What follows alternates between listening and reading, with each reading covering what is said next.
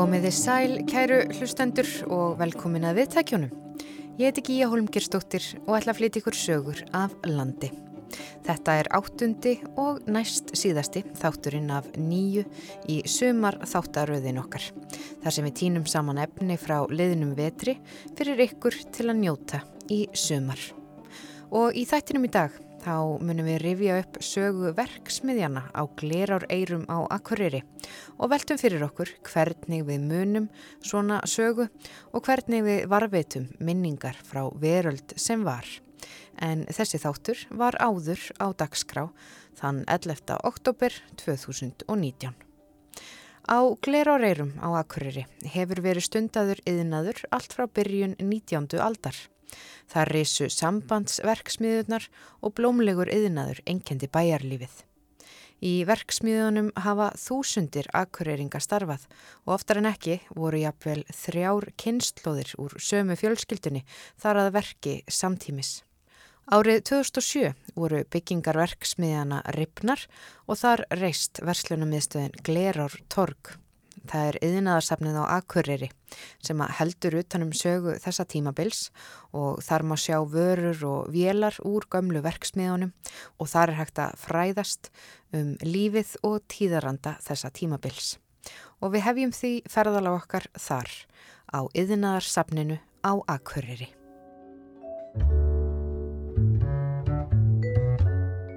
Þóstun Einar Arnánsson og fyrirvæðið sapstjóri yðinaðarsafnins. Og getur þú sagt mér bara svona frá upphafi versmiðana neyra á glerar eirum?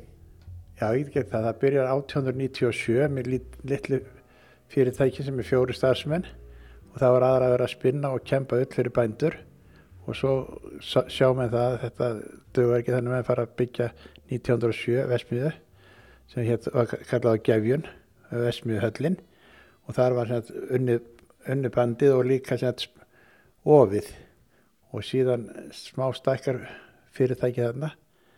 Og 1930 kaupir sambandi þetta og eh, svipa leiti þá byrjaði sér skó vestmiðan hérna og sútuninn en gefjun heldur alltaf áfram og stækkar og stækkar. Og 1962 þá flyttur fattaðismiðan hekla á, á svæði þannig að það voru allar vestmiðu sambandskonar á eitt stað í bænum.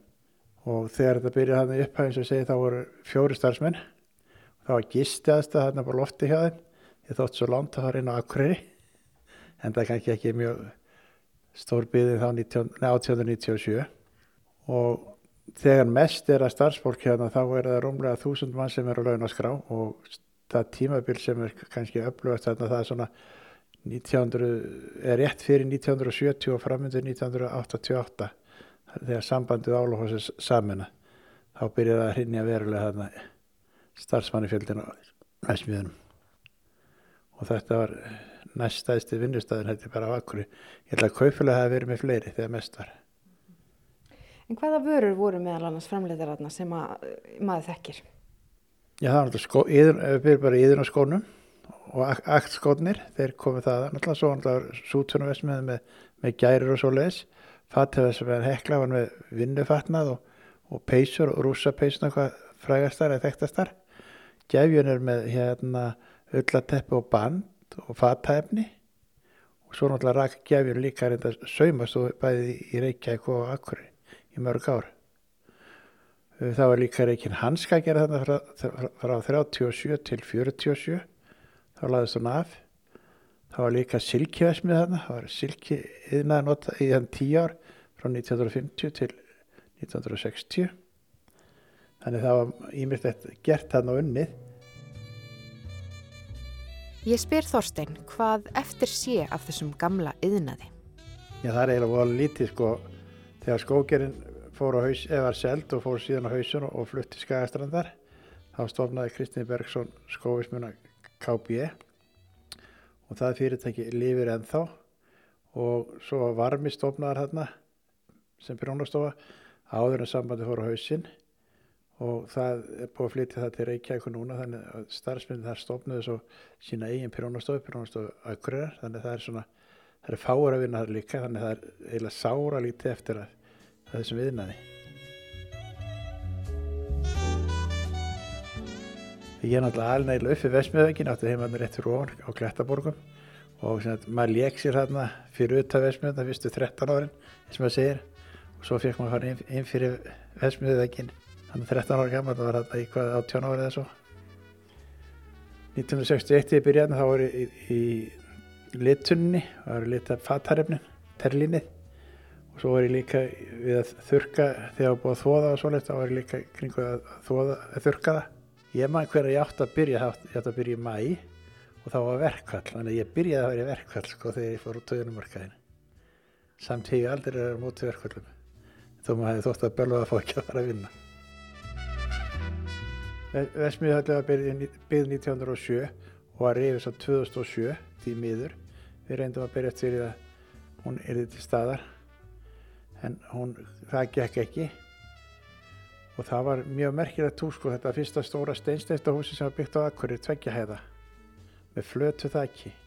Það var gefjum á þannig, það var aðalega spunin og, og kemp, kempingarnar og síðan meir er náttúrulega efri hæði nótið undir skógerðina skrifstofafélag fyrirtæki sem voru þarna í söðurendanum setna mér þegar búið að byggja við það. Og reyndar, svo eitt sem má kannski segja frá að Vesmiðan var knúðað með vassorku alveg frá stofnun og til 1950 1950 þá sem þetta var vel vassaflið hætt og var notað rafmagn. Mm -hmm. og var vassstokkur sem lág frá glerun og þetta niður yfir þetta var kallað vélalækur eftir að rann frá Vesmiðan út til glera og aftur og þegar að þetta hús, gefjunarhúsið, var loks rifið, hvernig, já, hvernig tilfinning var að sjá það rifið? Það var sárt og hérna ég fór daglega þegar það var að rifa þessar byggingar og sagði svona í gríni, ég ætti minn grátmór sem var svona færalör eftir hvernig það var að rifa byggingarnar. En þegar að koma svæðun þar sem ég byrjaði sem úrlingur, það var eiginlega sárastu bletturinn. Þó það hef ekki verið elsta húsinu, þá var það einni viðbyggingun og gólfið var sem þetta riflað uh, svona rauð, rauðbrúnar flýsar og það, svona, það var allt eins og þegar ég byrjaði það var alltaf erfitt að sjá það. Það fannst mörgum sárt að horfa á eftir verksmiðu byggingunum á Kleror Eirum þegar þær voru rifnar og það var barist fyrir því að gamla gefjunarhúsið, verksmiðju höllin sjálf, yrði varveitt og fundið nýtt hlutverk á nýjum tímum. En það fór þó svo að gömlu yðnaðar húsin viku fyrir verslunarhúsnaði og það er þangað sem ferðin er heitið næst. Ég heiti Ardís Bergstóttir og ég er doktor í safnafræði og við erum stattar hérna niðri á Glerortorki á Akureyri verst, á kaffihúsi í verslunarmiðstöð. En það er nú ekki versluninn sem við höfum kannski beinlinis áhuga á og ætlum að ræða í dag, ég og þú, heldur ætlum við að ræða verksmiðunar og blómlega yðnaðinn sem var á Akureyri hér um árabil eh, var blómlegastur um miðja síðustu öld og þar komum við aftur að þessari vestlunarmiðstöð því að hérna verksmiðunar þar sem að þessi yðnaður var mestmæknist til húsa hann var akkurat hér, verksmiðunar stóðu akkurat hér þar sem að vestlunarmiðstöðin er í dag. Og þú vannst rannsókn á upplifun Kvenna á því að vinna í versmiðunum. Segð mér aðeins frá þeirri rannsókn og niðurstöðum hennar. Já, þessi rannsókn er tilkominn þannig að um árabil vann ég sem sapstýra á yðnaðasafninu á Akureyri og þar eru frásagnir af verksmiðunum sem voru hérna þar sem að Glerotorg er í dag uh, og fólkinu sem vann á þeim. Eins og gænt er um söfna þá var frásögnin mikið á þá leið að, að það virtist sem að verksmiðunum hefði verið stýrt af körlum og, og næstum einungis karlar unn, unniðar. En ég vissi vegna þess að ég hafði spjalla við gestina sem komu á sapnið að mjög mikill hluti þeirra sem unni á versmiðunum höfðu verið konur og meiri segja þeirra mest var var meirinn meir helmingur þeirra sem störfið á verksmiðunum kon, konur. E, til þess að bæta nú úr þessu og bara að því að mér leik svo mikil forvitni á að vita hvernig það hefði verið að vera kona á verksmiðunum og mér langaði svo að bæta við þessa annars karlægu frásögn. Þá fekk ég til þess fyrir mig hana Andriu Hjálmsdóttur, lektor við Háskólan á Akureyri. Og úrvarð að við gerðum viðtalsrannsókn þar sem við rættum við tólf konur sem höfðu unnið á verksmiðunum og uh, spjöllum við þær og, og, og skoðuðum og, og hérna, beittum rannsóknar aðferðum félagsvísindana til þess að komast á snóður um hvernig eh, líf þeirra og reynsla hefði verið sem verksmiðukonur. Og hvernig frásagnir spruttu þarna upp? Hvaða, hvað einkendi þessar frásagnir þessara kvenna? Já, þarna spruttu margar mjög skemmtilegar frásagnir upp. Það sem að kannski einkendi frásagnir þessara kvenna að okkur andröfu fannst var kannski fyrst og fremst hvernig þær litu á sig, fyrst, fyrst og fremst á sig sem húsmaður og þetta talar náttúrulega inn í tíðaranda þess tíma að uh, konur, satt, svo mýta var mjög satt, uh, þrautseg að konur væru satt, húsmæður og karlar innu úti þegar raunin er svo að langminnstur hluti hvenna voru heimavinnandi hú, húsmæður. En þetta er svona ímyndin. Og þær, konurna sem unnu á versmiðunum hér, þær virtust líta á, fyrst og fremst á sig sem húsmæður en fóru út til að vinna til þess að hjálpa til við að draga björg í búð því að, að sjálfsög gæt ekki frekar en í dag eh, einn fyrirvinna staðið undir heilu heim, heimili. Þannig að þær litu kannski aldrei á sig sem, já hvað ég segja, sem svona hóp sem svona verksmiðu konur, sem hóp verksmiðu kvenna heldur var vinnan eitthvað sem þær fóru og gerðu og, uh, og þess að húsmæra starfið var það sem þær syndu fyrst og fremst. Nú þetta var auðvitað heilmikið púst því ekki voru neyn dagvistunar úræði og konur þurftu að reyða sig á nágranna, fjölskyldur og þarfram eftir göttunum. Þannig að það sem að þessar konur gerðu til að púsla saman sínum mörgu, mörgu hlutverkum var að er unnu sem húsmeður á daginn og, og við heldum þannig þessari ímynd um hérna heima vinnandi konu. Og svo fóruður á kvöldvakt á verksmiðunum og þær unnu frá kannski 5 til 10, jafnvel 11, 12 á kvöldin. Nú þegar heim var komið eftir þá vakt þá var þetta nú ekki alveg búið því þá þurftu þeir að ganga frá og við fengum marg, margar sögur út úr þessu, margar ákaflega áhugaverðar, jáfnvel pínulítið brostlegar, um, til dæmis um,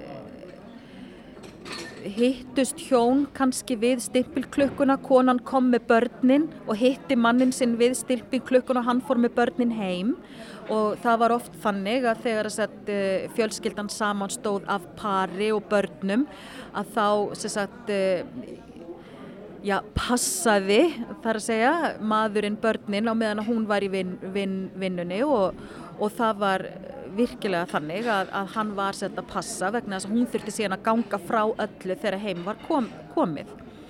Við spurðum þær hvort þær, hérna, þeir hefðu elda kvöldmatt eða jáfnvel gengi frá þvotti eða gert eitthvað svona smá við, viðvik og þá var svarið oft já nei, það bara týðkaðist ekki þá. En þeir gáfu börnunu gerðan skýr í kvöldmatt því að það var náttúrulega lítið um skyndibita eins og við þekkjum þá í dag, ekki hægt að panta pítsur eða, eða skrepp og skyndibita stað hérna nýra á Glirotorki eða eitthvað slíkt. Þannig að, að hérna, það var ekki um auðvan garda gresja en skýr var eitt af því sem þeir gáttu gefið börnunum. Og það var saga af því þegar að hérna, barn einnar verksmiðukonuna fótbrotnaði og, og, og hérna fótbrotnaði því miður það illa að hann þurfti að fara í aðgerð og negla beini saman. En uh, það sem læknundin sögðu eftir þá aðgerð var að það hefði nú varðla verið hægt. Beini var svo hart vegna þess að barni borðaði næstu því ekkert nema skýr þannig að það voru svona ímislegt sem að kom upp úr, upp úr krafsinu sem var svona grát eh, bróstlegt og, og bara fyndið á köplum en, en, en varpaði enga síður ákaflega skýru og góðu ljósi á satt, lífkvenna um miðja síðustu öld, lífverkakvenna um miðja síðustu öld. Og, og svona hvernig þetta var ótrúlega mikið púsluspil að koma öllu heim og saman og sérstaklega satt, í, í, í satt, ljósi húsmáður ímyndunar, eh, í ljósi þess hvað verkaskipting og heimili var ójöfn eða enginn kannski miklu frekar og, og þar fram til gödunum. Þannig að þetta, þetta var ákaflega flókilíf. Flestar létuðar nú samt mjög vel af því að hafa unni hérna og, og satt, fannst kannski ekki vinnan skemmtileg en, en þessi vinna þótti mun betri heldur en mörg önnur vinna. Til dæmis mun betri en að vinna í fristuhúsi og eh, en, en auðvitað náttúrulega upplifðu þær mjög mikinn launamun, þær upplifðu að hérna bara eins og gerðist var í verksmiðum víða annar staðar í Ev Evrópu að, að, að karlarnir unni á vélunum og konur unni í höndunum og þarframandi gödunum karlarnir fengum mun hærri laun, þeir stjórnuðu, e, það var svolítið tala við þær og um þær eins og þær væru börn. E, sérstaklega ef þær ætluðu að fara fram á að fá eitthvað aðeins herri laun eða ætluðu svona að vilja eitthvað upp á dekk eins og kannski er hægt að orð, orða það þannig að eh, já, þetta, en við heyrðum mjög oft þegar við vorum að spyrja þær já, nei, þetta týðkaðist bara ekki þá. En þær sagðu það þá með svona pínu, já, tón í röttinni að þetta hafi verið í rauninni óréttlátt. Ekki beint sko óréttlátt. Þær, sko okkur fannst í viðtölunum þær ekki beint upplifa órétt í sinn garð. Um, en þeim fundust tímatnir hafa breyst til hins betra það er eiginlega að lýsa því á þannhátt og það, það var engin, alls engin biturleiki eða neitt slík og þær töluðu um sagt, vinnuna á verksmiðunum með mjög mikill hlýju. Og ég held að þrátt fyrir allt að það að geta verið í vinnu á kvöldin að bara hafa haft tækifæri til að púsla þessu saman og verið í vinnu þar sem að sko þér var ekki kallt á puttunum eh, þú þurftir ekki að standa í bleitu eða eitthvað slíkt að það, sko, það hafi bara verið ákveðin forréttindi og, og það var svolítið eins og þær upplöðu það sem um, Já, ekki kannski forréttind en, en að þær hefðu ekki haft það mjög slæmt. Uh, nú, þegar þessi rannsóknikar kom út, þá vakt hún mikla aðtegli hérna í samfélaginu. Akkur heldur að það sé? Já, það er nú einu sinni þannig að við höfum, bara við mannfólkið, við höfum þessa þörf fyrir að vita hver við erum og, og það byggir mjög ofta því hvaðan við kom, komum. Það er þannig að mjög mikið af því fólki sem vann á verksmiðunum að það er ennþá á lífi, það eru mæður einhverja, það eru ömmur einhverja og oft þegar við höfum haldið fyrirlestra um þetta ekki bara hér á Akureyri heldur líka til dæmis í Reykjavík að þá í fyrirspurnum réttir fólk upp hönd og, og segir okkur sögur af sínum eigin ættingum sem að unnu á verk, verksmiðunum og þetta er bara svo mikilvægt að, að hérna, geta fundið fyrir því og, og vita og þekka og fá tilfinningu fyrir lífi og reynslu formaðra okkar til þess að við vitum uh, hverjar við erum og getum sótt í þannan reynslu banka líka. Og það er nú kannski líka þess vegna sem að mér fannst mikilvægt að rattir verksmiðu kvennana, ekki síðan er verksmiðu karlana, væru mjög skýrar í þessu samfélagi hér. Að þekka fortíðina og fá tilfinningu fyrir lífi og reynslu fór maðra og fór feðra okkar að vita hver við erum. Það er svo sannlega fátt við verslunarmiðstöðun á Glerártorki sem minnir á gamla tíma.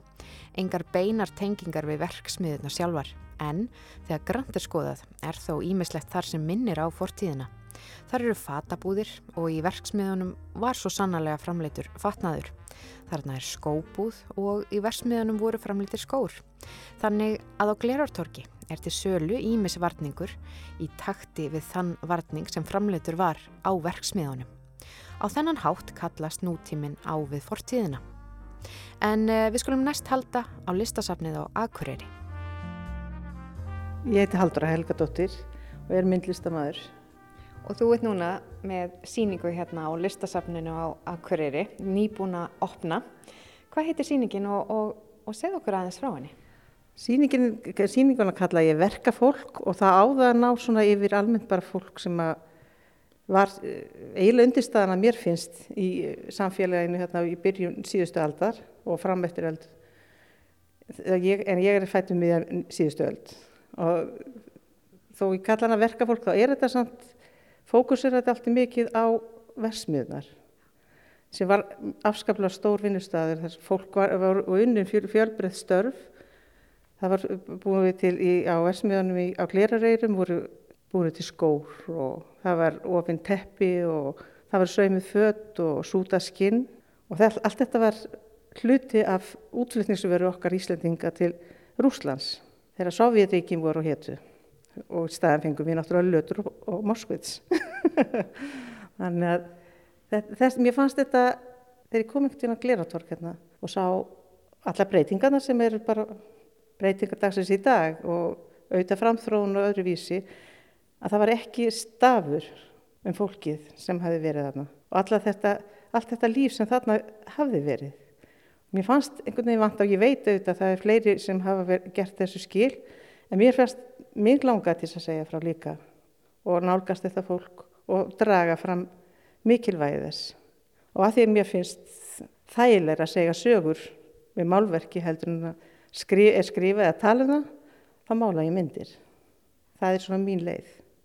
En ég fekk, fóru minjasafnið og fekk að kíkja á gamlar svarkvítar myndir sem þar voru, það voru elskulegir að hjálpa mér að ljósita þetta og út frá þeim þá vann ég margar litlar, svona 40 litlar lítil málverk sem er svona 2020 sem sýnir fólkið að störfum og, og setti það í lit og, og, og hérna reyndi að laða fram tækir sem það voru að nota.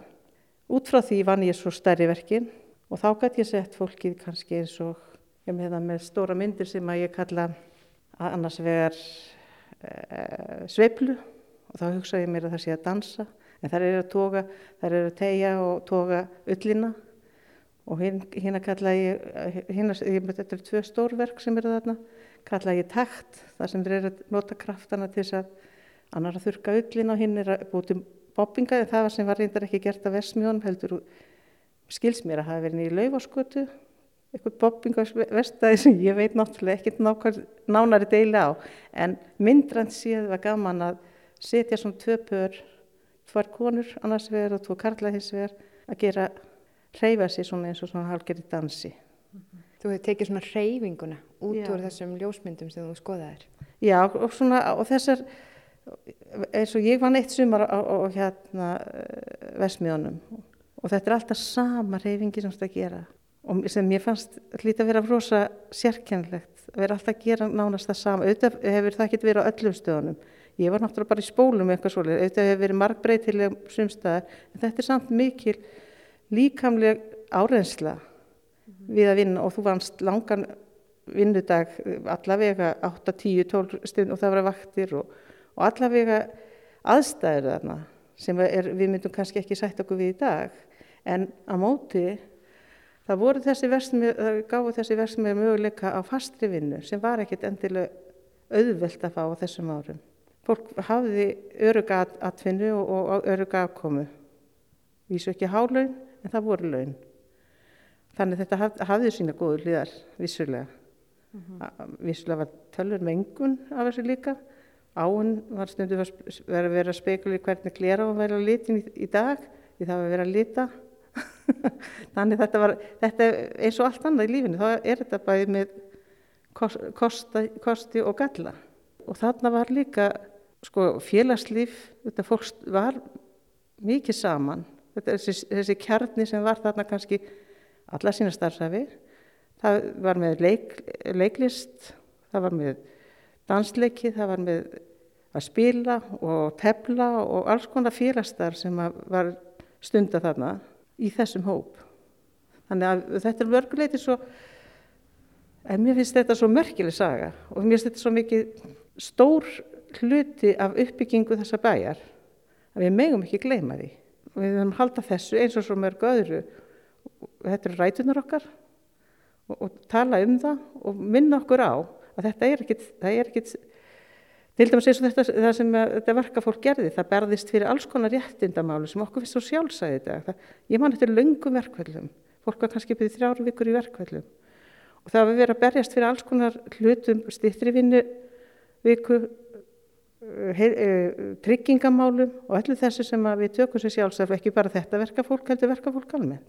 Og mér finnst þetta fólk þurfa að stundu þurfu svolítið að setja, draga aðteglina því og setja það fram í framvaralíðuna, ekki, ekki bara þá sem að fjármagna hlutina, heldur líka þá sem eru virkilega að halda þessu gangandi.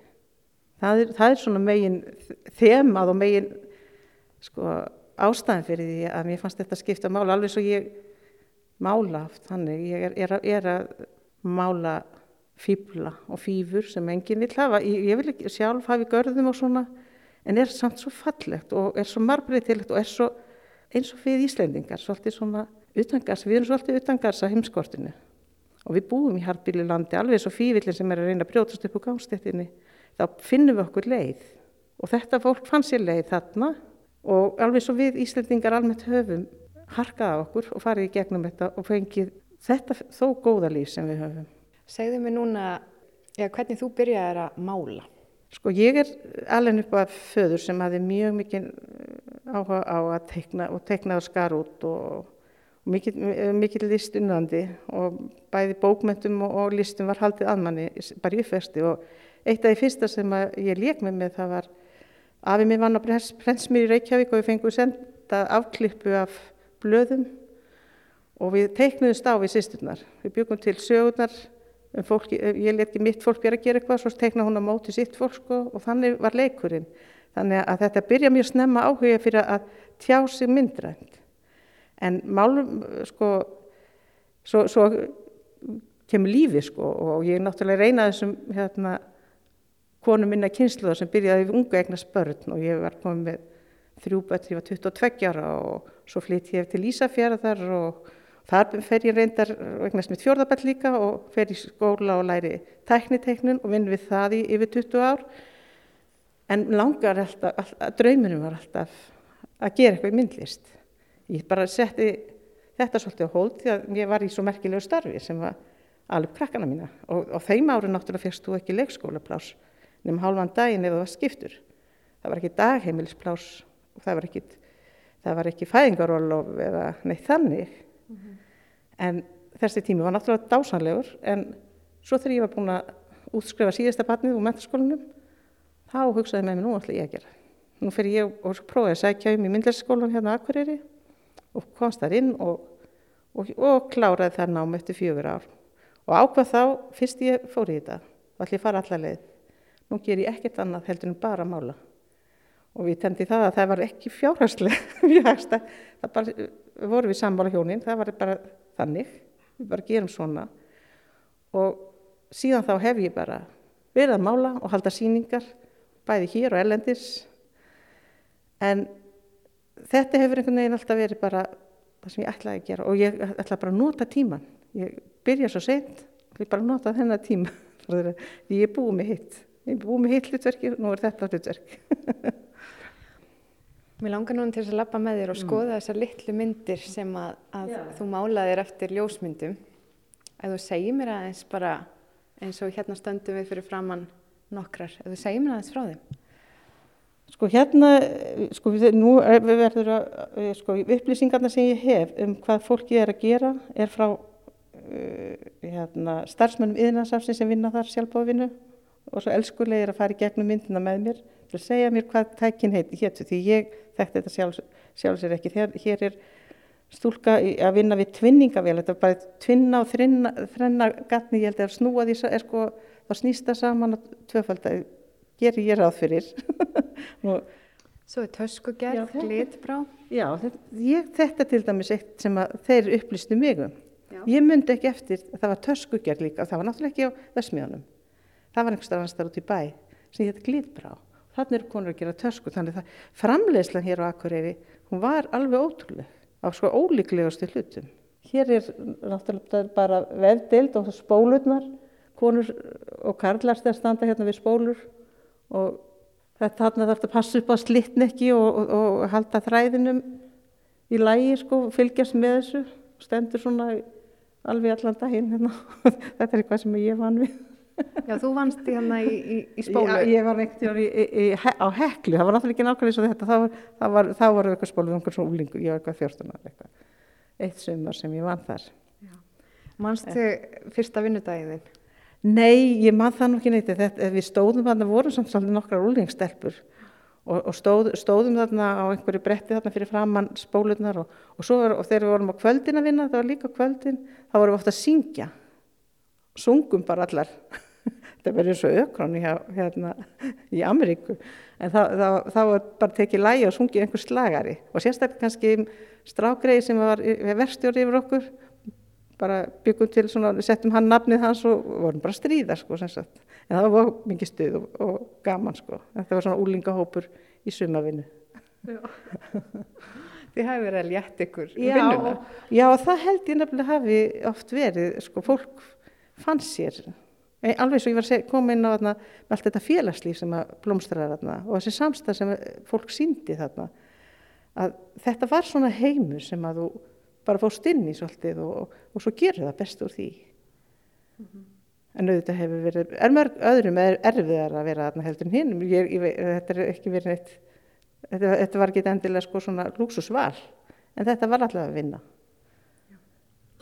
Hvaða verk á þessari sýningu er svona, já þitt uppáhalds? Ég veit það ekki, ég, hérna, uh, ég byrja upp við fyrsta myndin, elsta myndin sem er hérna á, það er að elstu konunni. Það er hérna tekið af, eftir ljósmynd sem er... Skulum lappa að þessu Já. verki. Og þetta er fyrsta verki sem þú gerðir. Ja, þetta, er- þetta er þegar ég er, að- er að byrja, sko, þetta er, ég er búin að vera í meira menn í sex ár alltaf með öðru að gera þessa sýningu. Og þetta er gömur kona sem stendur með spólu. Og þetta er, þetta er mynd sem var sest, unnið út frá mynd sem var tekin í byrjun 20. aldar.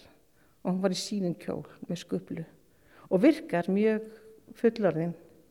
En er kannski bara svona mínum aldrei eins og ég er í dag sko, eða, eða jafnvel yngri, maður veit það ekki.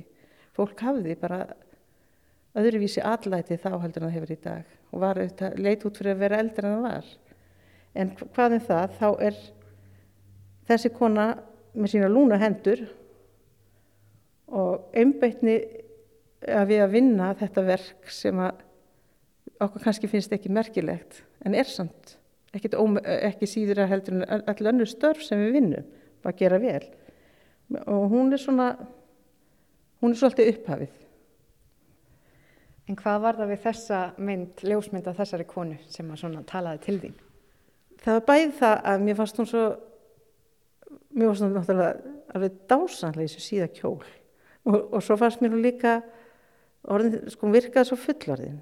Og vera samt að vinna og, og bara sem sýnir okkur að fólk, þetta var ekki, þú veist það var ekki þá hent út 67 eða eitthvað svona eða mátti ekki vinna meira en 70 eitthvað, fólk vann vann bara með því.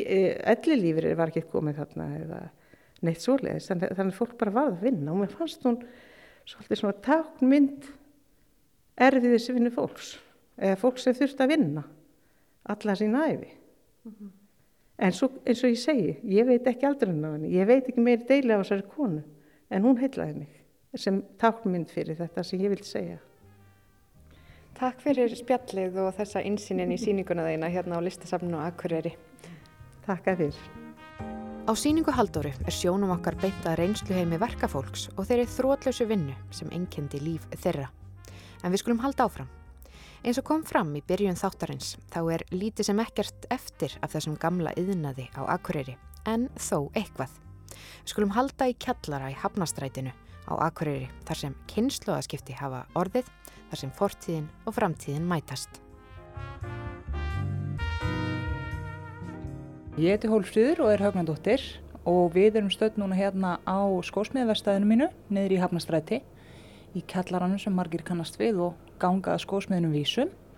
Og eh, hérna erum við semst bæði með viðgerðir og við erum með framleiðslu á kápi í heilsuskónum og svo það er ímislegt sem að reykur á fjöru hérna, það eru viðgerðir á tjöldum og rennilásum og töskum og ég segi stundum allt sem að eh, aðrir vil ekki gera við að það allavega reynum við að gera við. Og þetta fyrirtæki ásinn og ansi langa sögu. Já, eða partur af því. Það er í rauninni sko eh, KB inniskotnir. Þetta eru náttúrulega leifar frá gömlu sambandsvesmiðunum sem voru hérna á glervareirunum uh, eh, og við tókum við þessu vorið 2013. Þá byrjuðum við semst í bílskórnum hjá hann Kitta gamla, Kristinn Bergson sem er skóhönnuður og var yfir hönnuður á versmiðurum á símum tíma og hann hefur verið svona í dag segist hann sinna að gæða eftirlitinu hann kemur hérna reglulega og fær sér kaffi og stundur sest hann við saumavilina og svona dundar.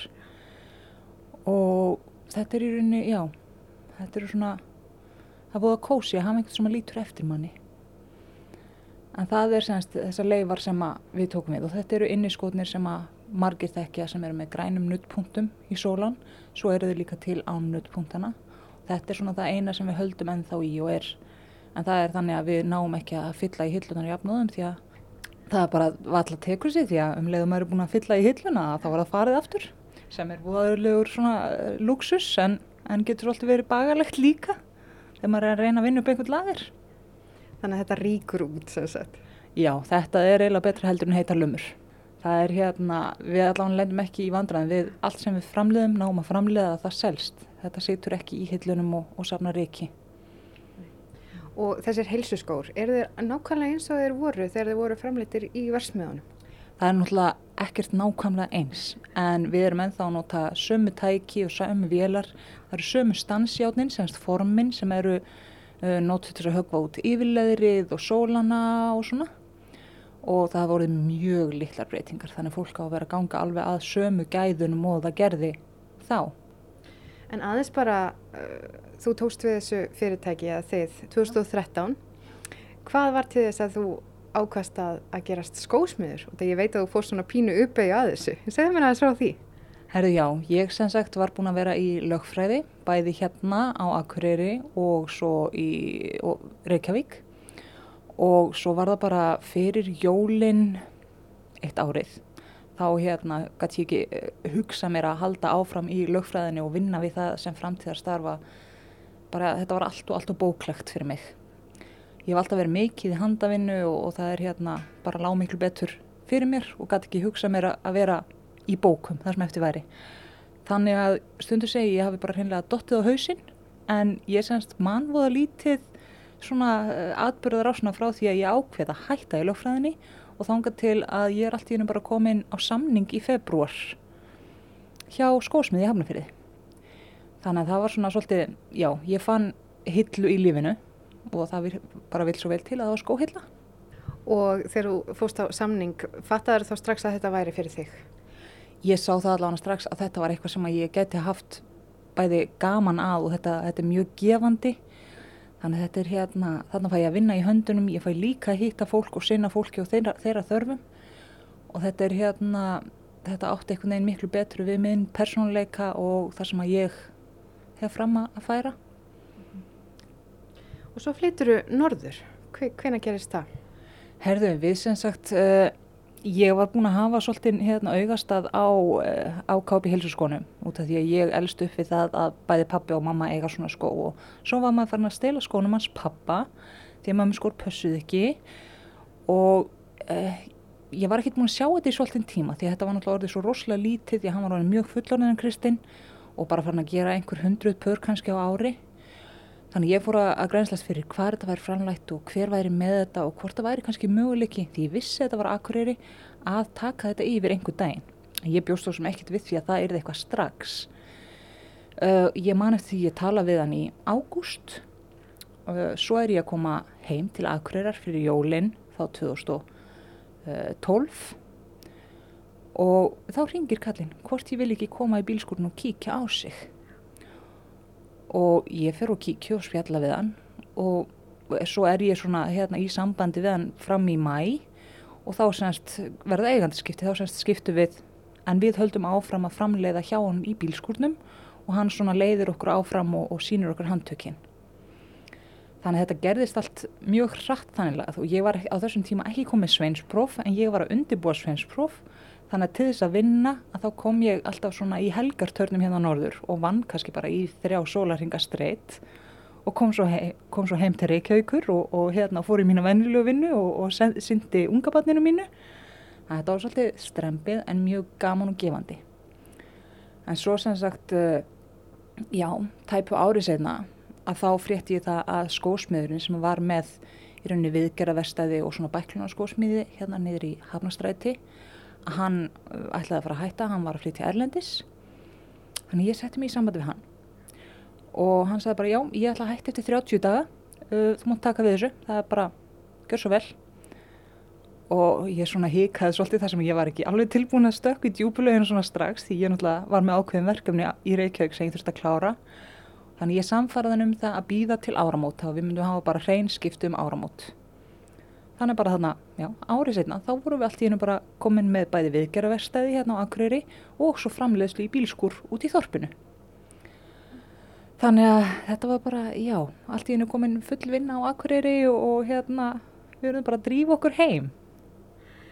Þetta hljómar allt eins og þetta hafi bara átt að gerast og, og þetta gerðist mjög rætt. Já, þetta gerðist allt mjög hratt og einhvern veginn eh, þetta raðaðist bara allt mjög vel upp fyrir okkur. Ég ætla ekki að segja að við höfum fengið þetta upp í hendunar því þetta er náttúrulega gífurlega vinna á bakvissuna og, og kostnaður og allt það. En ég held, jú, jú, þetta átti allt að gerast. Þetta átti allt að fara svona því þetta raðaðist bara upp eins og domino köpar fyrir okkur og gekk þannig að mjög vel. Þannig að þetta var bara, já, meant to be. Já og segðu mér aðeins, hann Kristinn var með eh, fyrirtæki sitt í, í bílskur út í Þorpi. Segðu mér aðeins, hvernig, hvernig var að koma þangað? Það var bara indislegt, það var náttúrulega, maður mátti helst ekki fara strax út í bílskur því að maður átti alltaf að byrja á því að koma inn og fá sér kaffi og svona. Og það, þau pössuðu vel upp á það hjónin að ef ég var að vinna lengi að þá var ég alltaf komið út og ég var sótt í kaffi sko. Og það er hérna uh, það var náttúrulega, þetta var hans bílskur en hann virti það alveg að ég var að taka við og hann var ekkit frústureraður þó svo ég kannski breytti uh, handtökunum. Ég kannski vann því ég var með meiri styrk í höndunum heldur en hann var orðið með þannig ég kannski breytti því hvernig ég til dæmis strengdi yfirleðurinn og þú veist ég var ekki að gera nákvæmlega sömu handtöku eins og hann en það skilaði þessum útkomu. Þannig að þetta var bara allt mjög heimilslegt og í dag að þá tala sko börnum mín um af að kitta. Þannig að þetta er á mjög gott að fá að ætliðan svona með þessu. Sagðan þér eitthvað frá þegar hérna, skóversmiðna voru hérna á Akureyri? Já, hann er náttúrulega bara ótæmandi brunnur af sögum og upplýsingum og hann hefur sagt mér ímislegt að bara veist hvað ég er rosalega gleimin. Ef ég puntaði ekki niður þá mann ég það ekki. En jú, hann náttúrulega sagði mér bæði hvernig þetta var hvað þetta var stórt og hvað, hvað í rauninni tímanir hafa breyst uh, á þeim tíma til dæmis uh, þegar var verið að sauma yfirleðurinn að þá fengu konundnar borgaðast eftir uh, spór per spór skildist mér á honum. Þannig að það var bara hversu fljótt varst að sauma hversu mikið þú hafðir upp úr því. Og það var ekki tímakaupp en þetta er hérna já hann er hann er með mjög marga sögur og hann líka segir alveg reynd og beint frá ímislegt sem hann kannski kunni ekki alveg við hvernig var gert og þá let hann það alveg flakka. Hann vildi, hann vill hafa hlutina eftir ákveðum að hann vill að þessu gerðir vel og ekkert neitt hálfkák. En núna þegar maður skoða sögu akureyrar þá er þetta mikill yðnaða bær. Og hvernig er svo að vera svona, já, að fara inn í þessa sögu, þessa yðnaða sögu og vera núna með þetta skóverstaði bara núna á okkar tímum? Þetta er þetta er svolítið skrítið út af því að þetta er bara eh, einna fáum í rauninni yðnuðum sem eftir eru. Þetta er, þetta er eina framleiðslan þannig lagað sem eftir er af þessu sem hann var og það eru mjög margir sem eru hissa og þeir alveg býtu, er þetta framleitt hérna? Er þetta ekki hérna, sendur þetta ekki til Kína og færið bara, bara nei, ég get bara síndir, við erum hérna, við erum að gera þetta núna, við erum að strengja upp skóna, við erum að fara að setja um til sóla og fólk gapir því að það trúir því ekki að það sé ennþá verið að framleiða og það sé hægt að gera það veist, þannig að það sé í rauninni já. Þannig að þetta er bara, þetta er mjög, þetta er mjög gott. Maður þarf auðvitað að passa sig að vera að kaupa efnið á réttum aðlum og passa sig í sendingum að kaupa frekar minna, nei, kaupa frekar meira því að þá er það hagstæðarvandi sendingakostnað og annað. En ef maður heldur rétt á spilun þá átt alveg að geta gengið bara. En sér þið eitthvað svona, eitthvað vera glæðast í bara meira að hluti séu unnir í grendinni og þannig, bara svona yðnaður sé að færast aftur heim í rauninni? Mér finnst það er rosalega mikil áhugi fyrir því en ég held að tækifærin séu kannski ekki alveg til staðar. Ég veit það á sínum tíma til dæmis uh, til þess að styðja við yðnað að þá voru hérna var innflutningstollar afnumdir af hérna vélum og svona þannig að menn gáttu keft sér vélar og aðeins hagstæðar af erlendis frá en það er bara, sko ef að vélarnar er ekki til á Íslandi þá er svo rosalega erfitt og þungt kannski fyrir einhvern sem er að byrja að flytja þær inn. Og ég til dæmis grýp hvert tækifæri ég veit að það er á sölu á Íslandi saumavél eða eitthvað sem ég geti hugsalega nýtt mér saman hvort það er í varaluti á mínum vélum eða sem staðgengil ef eitthvað kemur upp á að þá stekki ég á það.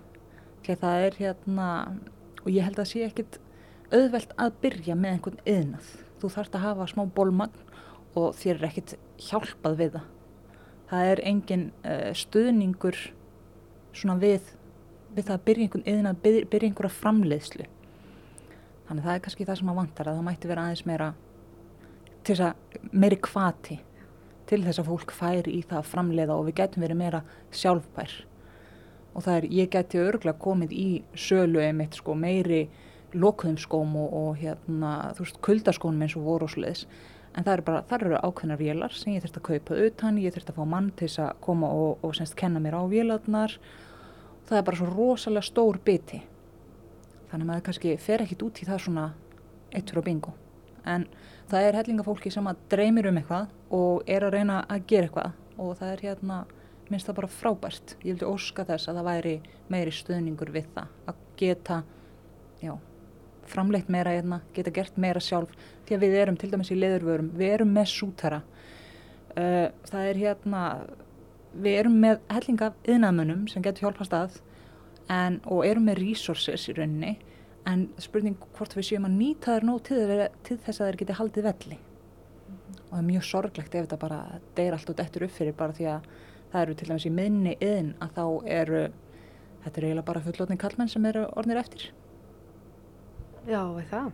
Já, þannig að þetta er hérna maður veit ekki, það eru ekkit mörg ári í það að já, við verðum bara í útrymmingahættu hreinlega, því að það eru mjög fáir nemar og það eru hérna mjög fáir sem taka próf síðan að ég útskrifaðist þá er einn búin að taka próf uh, og hann tók semst í skó viðgerðum bara, ekki skó smíði þannig að þetta er, já, þetta er svona svolítið sorglegt en samt alveg þörfa á því að eins og ég, ég hef miklu meira nóg að gera í mínu umdæmi, ef maður getur sagt sem svo. Mm -hmm.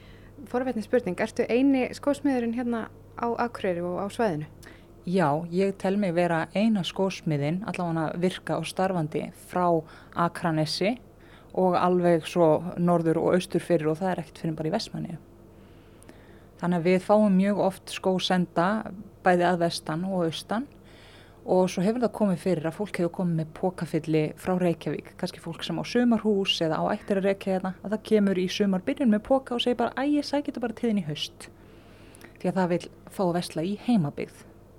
Þannig að það skiptir ennþá fólk máli að þetta sé möguleiki að gera að, að það sé skósmiður í heimabygð, þetta skiptir greinlega fólk máli. Já, þetta gerir það og það eru margir mjög þakkláttir fyrir það að, einmitt, að þetta sé valmöguleiki og þegar við erum að tala um alltaf það er allir í þessu græna í dag, það er verið að bæða að spara og hugsa um það að vera umhverjusvæð að þá er það alltaf, það er grænt kostur á ef þú getur færð með skona til skósmiðs og fengið á við gerða. Takk fyrir þetta og þessa insýnin í reksturinn hjá ykkur. Já, takk sem er leiðis. Þarna var rætt við Holmfríði Högnadóttur, skósmið á Akureyri og í þættinum var einni rætt við Þorstein Einar Arnórsson fyrir um sapstjóra yðnaðasapsins, Artísi Bergsdóttur, doktor í sapnafræði og Haldóru Helgadóttur, myndlistamann. Og þá er komið að lokum í þættinum hér í dag og tæknimaður í þessum þætti var Einar Sigursson. Við þökkum fyrir okkur, lifið heil!